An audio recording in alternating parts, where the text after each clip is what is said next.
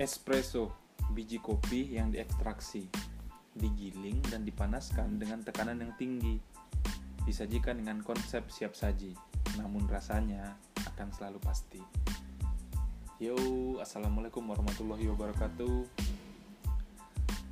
Selamat pagi penikmat kopi. Saat ini kita berada di podcast pertama gue. Perkenalkan nama gue Randy. Ini podcast pertama gue yang bertajuk Kopi Akhir Pekan. Pagi ini 23 Maret 2019. Anjing gue sok asik gak sih? Tapi ya udah karena ini podcast pertama, podcast pertama gue. Jadi gue berharap sih cuma satu, maklum. Bangsat sepeda gue tadi kerennya patah. Kayaknya sebeli baru. Uh, pagi ini sih gue pengen bawa tema self branding tiba-tiba podcastnya baru tiba-tiba ngomongin self branding maunya apa sih Ren? Bangsat emang tapi bodo amat sih. Disclaimer aja gue bikin podcast buat diri gue sendiri. Dan tentu saja buat teman-teman semua yang nggak tahu apakah mendengar atau tidak tapi ya bodo amat yang penting gue bikin-bikin aja. Kenapa sih self branding karena nggak tahu gue merasa ini harus di share aja ke orang lain. Ini bukan teori ini hanya cerita pengalaman pribadi yang berharap dan yang gue harapkan siapa pun yang mendengar ini bisa mencoba atau malah mikir Ih bener juga ya. Gue juga gitu tuh kayaknya. Asik. Bangsat emang lu Ren sok tahu uh, jadi penikmat kopi. Bangsat. Jadi yang kalau yang pertama kali denger nih ibaratnya gue kasih ini apa ya uh, buku panduan. Nah buku panduan gue itu bertajuk kopi akhir pekan karena gue suka kopi. Gue sukanya kopi saset enggak bangsat. Gue sukanya kopi. Gue sih sukanya kopi cold brew ya. Cold brew cuman ya nggak tahu gue merasa sabtu pagi ataupun di akhir pekan cocok banget minum kopi apa pun itu kopinya semuanya nikmat. Nah gue akan bawa tema kopi ini sepanjang podcast ini ada.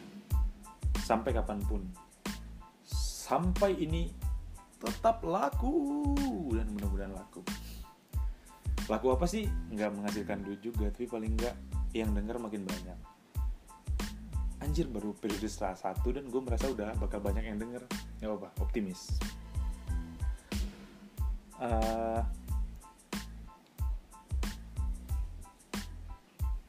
gue ceritakan dulu dari hidup gue gue sekarang adalah uh, chief marketing officer dari sebuah perusahaan startup yang gue dirikan dengan teman-teman homecare24.id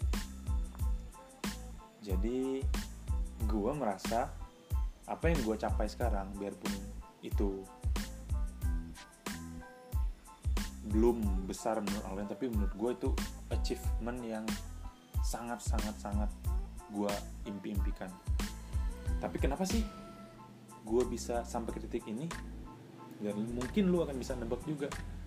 Nanti lu bisa ambil kesimpulan kesimpulan sendiri bahwa uh,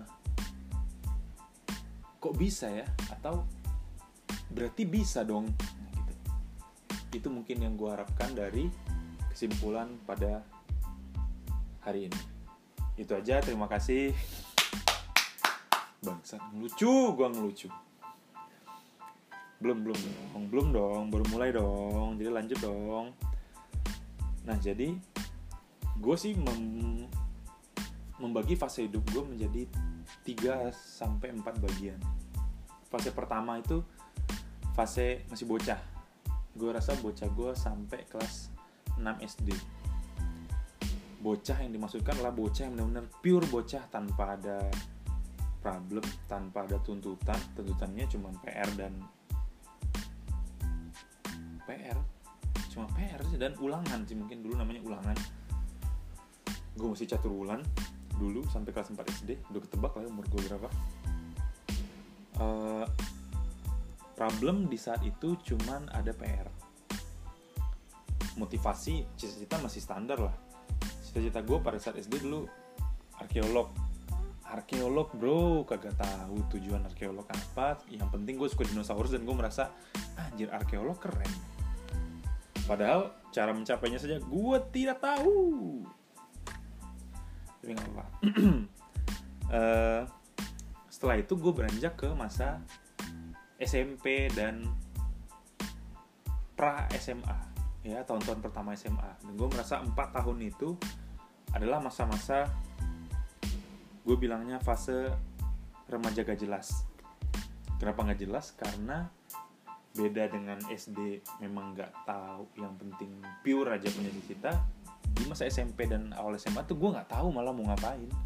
Cuman kayak masuk SMA eh, masuk SMP pulang ngerjain PR dan melakukan uh, masih ada PR ya ulangan UTS UAN UAS dan galau gara-gara mau masuk SMA SMA favorit. Nah gitu-gitu aja tuh permasalahan itu dan gue lanjut ke step ketiga fase yang gue rasa itu fase yang memulai semuanya untuk stage gue merasa self branding itu penting. Yaitu masa SMA dan masa akhir kuliah S1 gue gue S1 dulu di Andalas jurusannya Computer Engineering. Gue merasa saat-saat fase, fase fase ketiga ini adalah fase terpenting dalam hidup gue kenapa terpenting? Mungkin nanti kita bisa bahas selanjutnya ini gue harus runut ya gue ada catatannya bangsa supaya gue harus runut nih. Dan fase terakhir adalah fase di saat gue berhasil dapat beasiswa. Salah satu beasiswa bergengsi di tanah air. Asik. LPDP gue melanjutkan kuliah di ITB jurusan yang sama Computer Engineering. Dengan cita-cita awalnya ingin jadi dosen. Itu fase keempat sampai sekarang. Gue membagi hidup gue jadi empat fase tersebut itu gambaran awal dulu dari sebuah kehidupan Randy Alvodi yang penting lah buat gue buat nyokap gue buat teman-teman gue penting. Apalagi buat perusahaan gue sekarang penting sekali. Cuman buat lu, lu pada sih gue harap bukan penting sih tapi paling nggak bisa dapet sih apa yang gue rasakan. Dari keempat fase itu fase yang paling tidak gue sukai adalah fase remaja tanggung bangsat emang. Uh, apa sih istilahnya? Akhir balik ya? Kok akhir balik sih? Uh, aduh kok gue lupa istilahnya ya? pokoknya masa-masa di saat lu dari bocah menuju remaja gitu. Nah di fase-fase itulah fase paling gue rasa fase paling nggak enak di hidup gue nggak tahu apakah gue tidak menikmatinya dan melu mungkin bisa menikmatinya atau gimana. Cuman gue merasa SMP tuh gue waktu itu badan gue gendut. Gendut sekali men. Di saat gue SMP gue gendut pendek kagak suka olahraga. Itu bener-bener bahan bulian lah. Gue dibully ya satu kelas lah. Bahkan cewek pun bisa ngebully gue karena ya gue nggak bisa melakukan perlawanan lebih. Karena gue waktu itu SD kenapa sih gue SD merasa itu momen yang bahagia? Karena gue dulu tuh itu di madrasah ibtidayah itu kayak private school yang antar jemput yang lalu tunggu depan rumah dijemput oleh bus bareng-bareng ke sekolah dan pulang diantar lagi yang di dalamnya. Pada saat lu sekolah dapat snack dapat makan siang itu terlalu nggak ada tantangannya men. Kalau lu di SD negeri atau di SD impres tuh bukan gua ngerendahin dalam sisi pendidikannya tapi dalam sisi pergaulannya itu tough banget bah temen-temen gue sih gue rasa yang sekarang lebih bangsat dari gue tuh karena SD-nya udah ngerasain hal yang lebih bangsat sih. Lebih amplas banget aduh gue gak boleh ngomong kasar sih. Yang amplas banget lah sedangkan gue di SD yang udah keenakan nih. Teman-temannya itu itu aja. Anak-anak orang-orang yang udah memang pengen di private school yang udah ya manja lah istilahnya. Jadi keluar dari situ ya gue mentalnya mental katak dalam tempurung bos. Pas gue masuk SMP biar. Di situ ngum mana mana, mana gue SMP negeri. Pas gue masuk sanawiyah kagak diterima nem gue kecil goblok emang. Tapi gue masuk SMP favorit kok di kota gue gue masuk SMP yang notabene itu kumpulan semua anak-anak dari seluruh kota SD negeri SD private private. Ya yang swasta yang homeschooling mungkin juga. Nggak tahu gue pokoknya masuk di situ. Yang bandel yang bandel banget yang amplas banget ada di situ. Nah gue masuk di tengah-tengah itu tanpa persiapan akan menghadapi hal-hal seperti ini.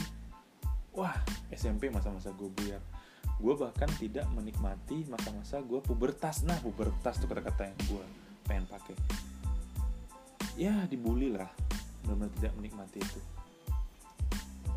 Itulah fase yang gue rasa fase tidak gue sukai. Dan fase yang gue sukai adalah fase gue kuliah S2 fase keempat. Biarpun fase ketiga fase terpenting pada saat gue kuliah S1 tapi gue rasa fase yang paling gue sukai adalah fase keempat. Karena itulah yang membangun gue pada saat sekarang ini. Jadi kapan sih gue mulai sadar bahwa eh gue terus gini loh gue terus self branding loh gue harus bikin branding terhadap diri gue sendiri loh karena branding kan maksudnya biasanya branding itu lo kan merek-merek ya. Merek-merek kayak lu beli sesuatu lah. Kayak lu beli Starbucks terus branding Starbucks tuh mahal cuy. Branding Starbucks tuh kalau lu udah di Starbucks tuh kayaknya hype. Mending lu pergi ke temannya yang yang lain. Gua lu gua nggak tahu ambil contoh apa tapi ya lu paham lah. Maksud gua. Anjir gua maksa orang paham coba yang gue bilang tapi gue yakin pasti paham nah kenapa sih gue memutuskan untuk self branding kenapa sih gue sadar dengan itu? Pada saat gue fase ketiga nih awal fase ketiga itu gue terpilih menjadi ketua kelas. Badan gue masih gendut sih cuman waktu itu gue udah ikut basket jadi agak sedikit ramping ramping cuman kayak ya nggak berotot juga sih tapi bukan gendut gede aja gede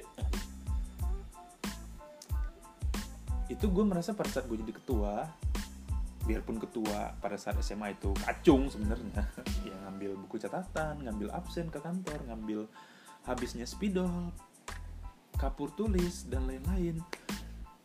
Cuman gue merasa kayak jadi leader itu ya jadi jadi leader anjing sombong banget SMA gue jadi leader.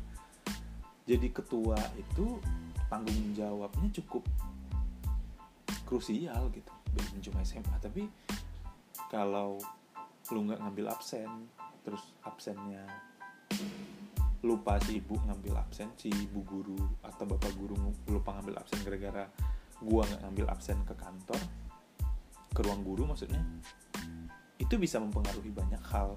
Pertama harusnya orang yang hari itu masuk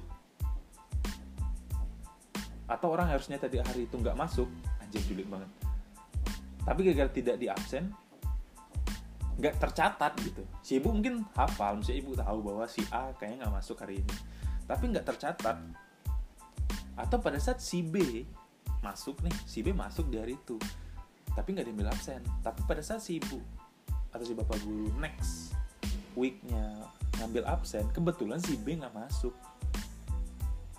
Jadi kayak uh, si bapak itu ibu gurunya merasa wah kok nggak masuk. Atau kebetulan pas beliau nggak ngambil absen pas si B masuk pas si beliau pengen ambil absen si B nggak masuk gitu loh. Ya mungkin kebetulan itu kan kita nggak tahu. Nah itu menurut gue cukup merugikan karir seseorang. Maksudnya pandangan si ibu guru terhadap si orang ini akan berubah drastis. Nah itu tadi branding. Gue merasa branding gue pada saat itu gue terpilih setelah beberapa uh, setahun setelah gue jadi ketua kelas juga gue terpilih jadi ketua MPK yaitu ketua ya uh, majelis perwakilan kelas. Itu ya di atasnya osis lah yang mengatur osis. Itu berarti kayak MPR lah MPR-nya kita. Itu berarti uh, yudikatif lah ya yudikatif. Uh, itu gue merasa kayak eh, orang-orang udah nempel nih gitu gitu. Orang-orang orang-orang udah nempel bahwa gue seorang yang bisa jadi ketua gitu. Gue bisa di diharapkan atau dimandatkan sebagai ketua gitu. Nah bergulir berjalannya waktu pada saat gue di kuliah pun gue bertekad menjadi ketua himpunan bahkan gue belum berniat jadi presiden mahasiswa tapi nggak belum tercapai karena prosesnya ternyata cukup rumit. Tapi gue berhasil menjadi uh, dewan perwakilan mahasiswa DPM ketua DPM nya fakultas. Itu mungkin ya yudikatifnya lagi di sebuah fakultas. Itu gue membangunnya dengan sadar sekarang sadar gitu bahwa gue harus jadi ketua gitu. Jadi gue di selama perkuliahan tuh gue menanamkan ke orang-orang bahwa gue layak untuk itu gitu. Mungkin sih terdengar kayak arogan ya. Cuman gue merasa sebuah merek pun dianggap mahal itu karena orang menganggapnya mahal. Kita ambil contoh. Ya kita ambil contoh Starbucks tadi. Emang beda ya bahan Starbucks sama kopi yang lain? Gue rasa sama-sama aja sih. Kalau lu cari juga di internet ya. Kopi yang dipakai oleh Starbucks ya kopi dari Kuba juga.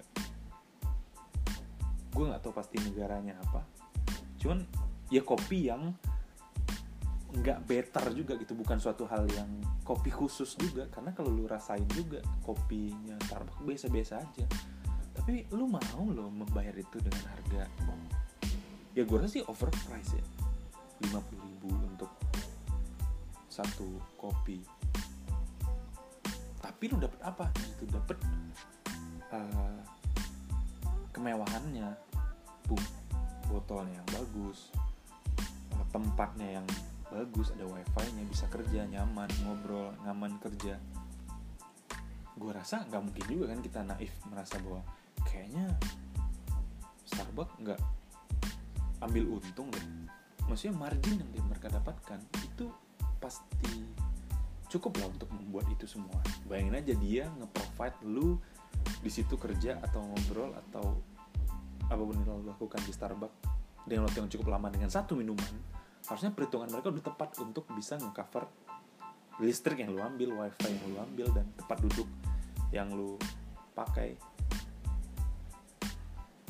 Tapi apa sih yang lu dapatkan? Experience. Starbucks menanamkan nilai itu kepada lu bahwa gue itu mahal loh gue itu eksklusif loh. Nah itu yang gue implementasikan dalam diri gue sendiri. Bahwa gue menanamkan ke orang lain bahwa gue itu seorang leader.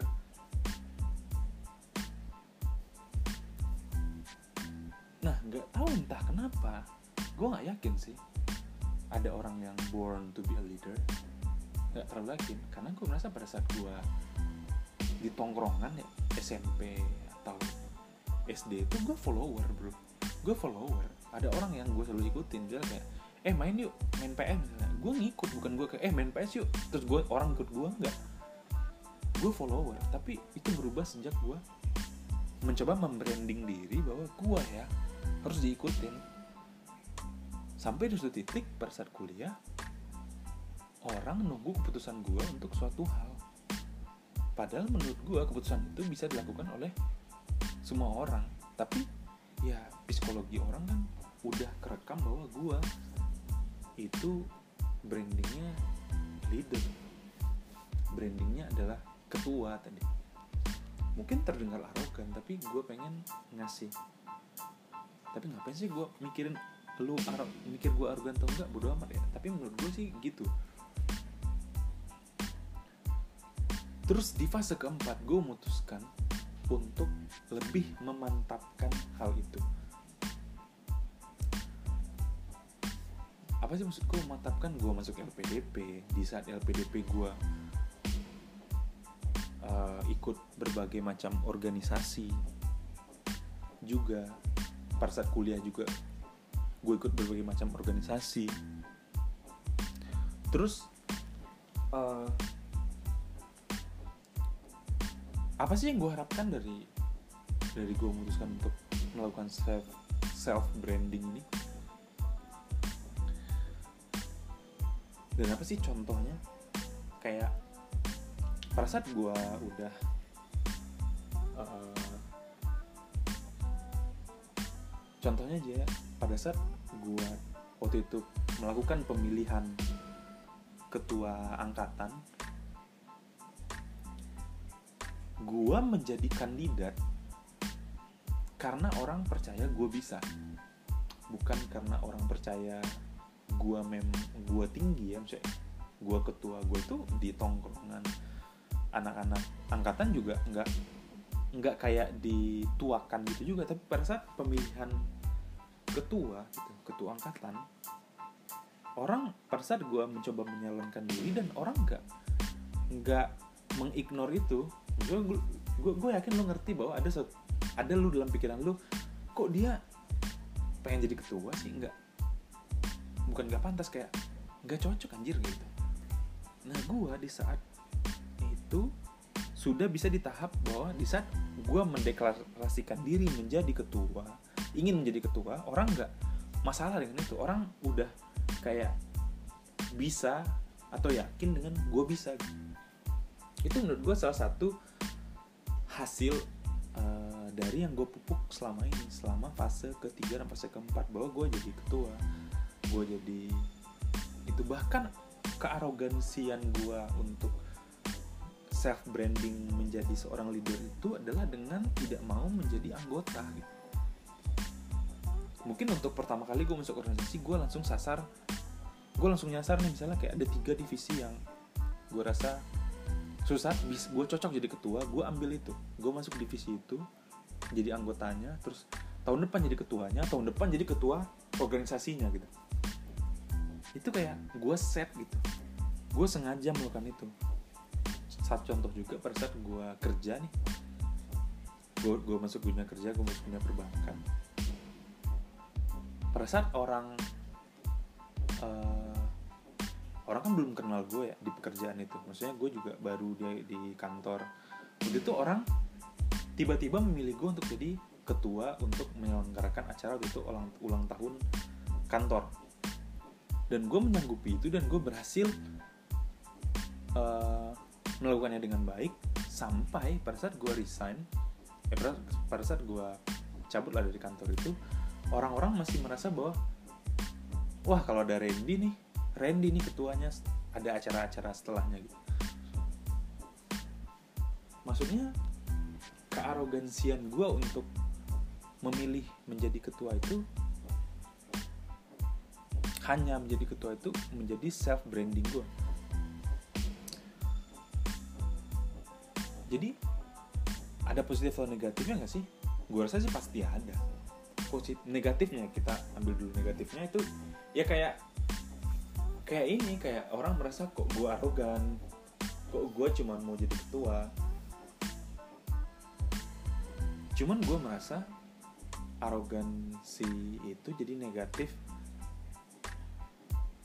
Itu tetap menjadi nilai positif di sisi lain gitu. Misalnya orang negatif anjir kok jadi arogan banget sih jadi ketua? Tapi dia orang-orang yang arogan itu gue rasa akan tetap dapat nilai-nilai self branding gue bahwa gue itu leader gitu.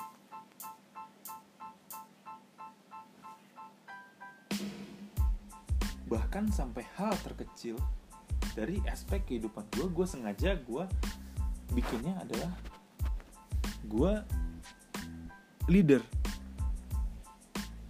Dalam aspek terkecil bahkan sekarang dalam aspek tongkrongan dalam aspek uh, obrolan kafe misalnya kalau gue ngumpul sama teman-teman yang gue rasa gue akan dapat kesempatan untuk dipercaya menjadi ketua susat nanti itu gue berusaha untuk ngasih poin-poin yang selayaknya seorang ketua. Kebayang gak lo maksud gue kebayang gak lo jadi seorang leader gitu? Misalnya gini gue gue merasa aja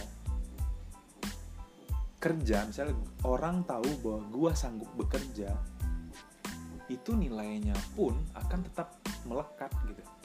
Misalnya nih gue sanggup melakukan suatu tindakan A. Kerja nih misalnya kalau ngerjain suatu hal A itu keren di gitu. Itu pun akan melekat sampai kapan pun. Dan orang akan tetap memperlakukan gue untuk minta tolong melakukan A ke gue gitu dibandingkan kalau gue dikenal sebagai yang bisa memplan A B C D. Walaupun pada saat itu orang nggak notice tapi paling nggak lama kelamaan no, seiring dengan waktu dan gue terus melakukannya bahwa gue bisa memplanning A B C D orang akan nangkep gue gue akan cocok untuk menghandle sesuatu.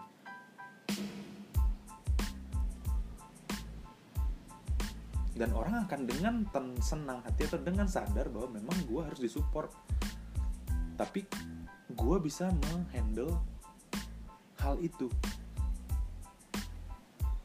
Itu hal yang gue coba bangun dari sudah lama. Makanya menurut gue teman-teman anjir gue bilangnya teman-teman. Para penikmat kopi. Harus terbiasa nih manggilnya para penikmat kopi. Gue efektif nggak ya? Tapi paling nggak seru aja self branding apa pun yang lu pengen bangun dalam diri lu hal terkecil itu tetap harus lu bangun. Jadi mungkin kalau cerita gue belum terlalu runut mungkin lu akan bisa ngerasain dari podcast podcast gue selanjutnya. Mantap! Soft selling supaya orang denger. Nggak tahu apa lu penasaran apa enggak tapi gue yakin kalau lu bisa nangkep uh, proses yang gue hadapi sampai gue sekarang jadi chief marketing officer direktur ya bahasa Indonesia direktur marketing dari sebuah perusahaan yang gue bangun yang gue jadi salah satu founder co-foundernya dengan teman-teman. Kenapa sih gue bisa dipercaya itu? Gue rasa bukan karena gue punya kapasitas atau kemampuan menjadi marketing. Marketing gue hebat? Enggak juga. Tapi gue punya kapasitas untuk bisa memimpin dan memplanning apa pun itu bidangnya. Karena sebelum gue jadi chief marketing officer ini gue jadi chief technology officer. Padahal gue emang IT sih cuman cuman gue nggak punya kapasitas untuk membangun itu. Tapi gue punya kapasitas untuk memplan dan meng handle dan memanage tim untuk bisa membuat itu jadi lebih baik. Itu kemampuan gue gue bisa pede gue bisa melakukan itu. Jadi mungkin yang bisa gue bagi untuk uh, hari ini atau untuk bayangan gue untuk podcast pertama gue tentang self branding ini bahwa apa pun posisi lo apa pun role lu di pekerjaan apa pun peran lu dalam sebuah kelompok organisasi lu harus melakukan self branding karena hidup lu dalam berkarir apa pun itu itu akan perlu dipupuk dari sekarang. Contoh ini contoh aja sih gue gue merasa orang yang jadi presiden atau jadi menteri saat ini itu nggak serta merta tiba-tiba jadi menteri bro. Tiba-tiba jadi presiden bro. Dia udah memupuk itu. Even even pak Jokowi yang orang merasa beliau gara-gara merakyat aja bisa jadi presiden gue rasa beliau udah mau itu sejak jadi wali kota di Solo. Malah mungkin sebelum itu. Malah mungkin sebelum itu lagi malah mungkin lebih kecil dari itu pada saat beliau kuliah SMA malah mungkin beliau udah menanamkan nilai-nilai itu ke sekitarnya. Lingkungan kecil dulu keluarga mungkin baru lingkungan pertemanan baru lingkungan lebih luas lagi. Pada saat beliau terpilih jadi wali kota ya orang merasa beliau cocok untuk posisi itu. Misal mungkin kita ambil contoh lagi Prabowo kalau orang merasa ada eh kalau orang sekarang mendukung Prabowo siapa pun itu bukan gara-gara tiba-tiba orang tahu Prabowo dan orang baca literasinya orang bisa nge beliau cocok mungkin ya karena orang baca literasinya. Anggap nih orang baca literasinya gara-gara literasi beliau itu selalu berhubungan dengan kepemimpinan maka pada saat dia mencalonkan diri jadi presiden orang nggak kaget orang nggak kayak hah? Lu sokap nggak gitu? Orang udah oh oh beliau cuman ya tetap demokrasi kan. Tetap di Indonesia kan harus ada uh, apa namanya uh, pemilunya. Cuman nilai-nilai yang beliau hadirkan di saat kampanye di saat orang-orang bisa bisa merasakan beliau menjadi seorang presiden maksudnya orang-orang yang memilih yang sekarang berpihak ke beliau masing-masing itu merasa beliau bisa itu karena memang kapasitas yang beliau capai sekarang itu adalah manifestasi dari investasi dari eh, masa-masa uh, lampau. Makanya apa pun role lu sekarang lu mau misalnya lu seorang engineer atau lu seorang pelukis seorang pelukis seorang penyanyi misalnya nih. Ya jangan lihat dia pas terkenal dong. Kalau memang lu dari awal lu udah di set sebagai penyanyi sebagai vokalis sebagai drummer yang oke okay, yang ciamik gitu lah. Jadi orang nggak perlu dengar skill lu untuk bisa minta lu untuk main gitu. Karena lu udah nge-branding bahwa lu drummer yang oke okay. lu udah menyebarkan itu ke orang-orang bahwa namanya A, A si A si A tadi adalah drummer. Jadi di mana pun dia pergi dia adalah seorang drummer. Si B adalah seorang guru seorang pengajar. Atau mungkin drummer terlalu terlalu ini ya general. Dia drummer yang hardcore banget gitu hardcore banget. Bahkan sampai dia orang nggak tahu orang belum pernah lihat dia main tapi orang tahu bahwa dia main hardcore. Pada saat dia main lagu slow kayak wah anjir bisa juga ya dia main lagu slow.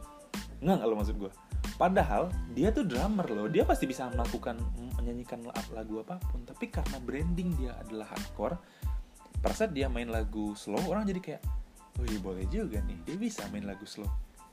Itu F gue rasa efek terkecil. Maksudnya efek yang orang nggak sadar tentang self branding misalnya guru seorang pengajar pengajar. Lu nggak sih seorang tiba-tiba seorang pengajar seorang guru di TV-TV lah. Seorang guru lihai berjoget. Sebenarnya nggak masalah bro. Ya guru mah ya berjoget. Eh maksudnya guru ya berjoget. Ya orang yang bisa joget. Bebas orang mau joget. Cuman kalau memang orang menilai orang udah punya self branding guru seorang pengajar yang kalem yang santai pada saat dia melakukan hal yang di luar itu orang nggak bahwa eh bisa juga ya dia joget.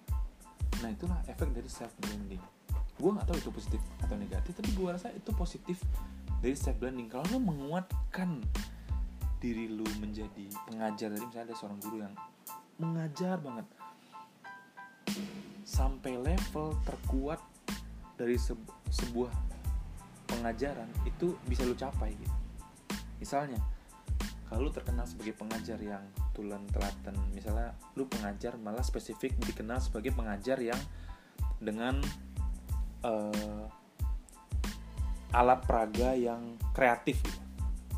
lu dari dari berpuluh-puluh tahun lu pertama kali jadi pengajar sampai sekarang mungkin udah 5-10 tahun lu udah terkenal sebagai pengajar yang punya alat peraga yang kreatif gitu. Kalau itu dipupuk terus menerus menerus susah hal yang sekarang mungkin baru dilihat mungkin lu anggaplah lu guru SMP yang cuman bukan cuma yang dimulai dari guru SMP mungkin bisa jadi lebih besar. Lu bisa jadi trainer untuk sebuah trainee guru-guru gitu.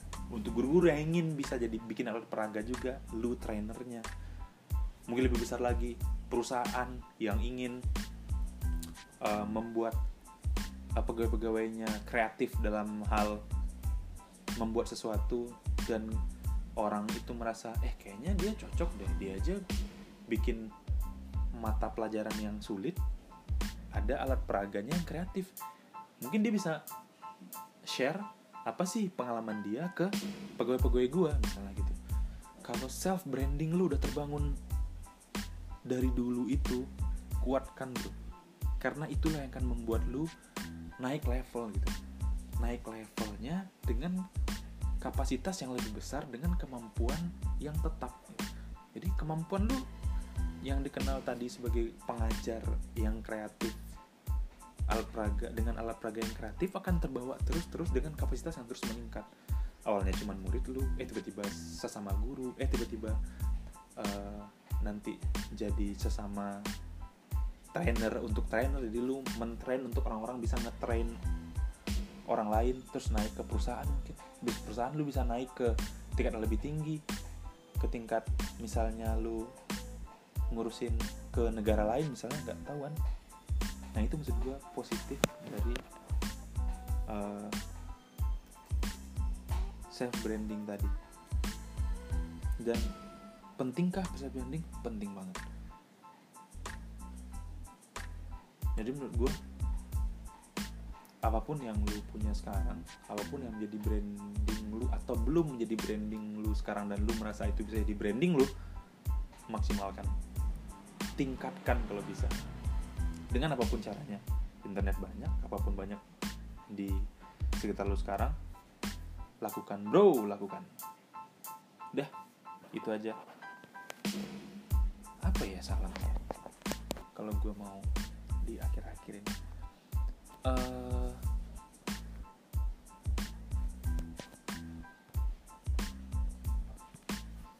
ya udah. Dadah. Salam kopi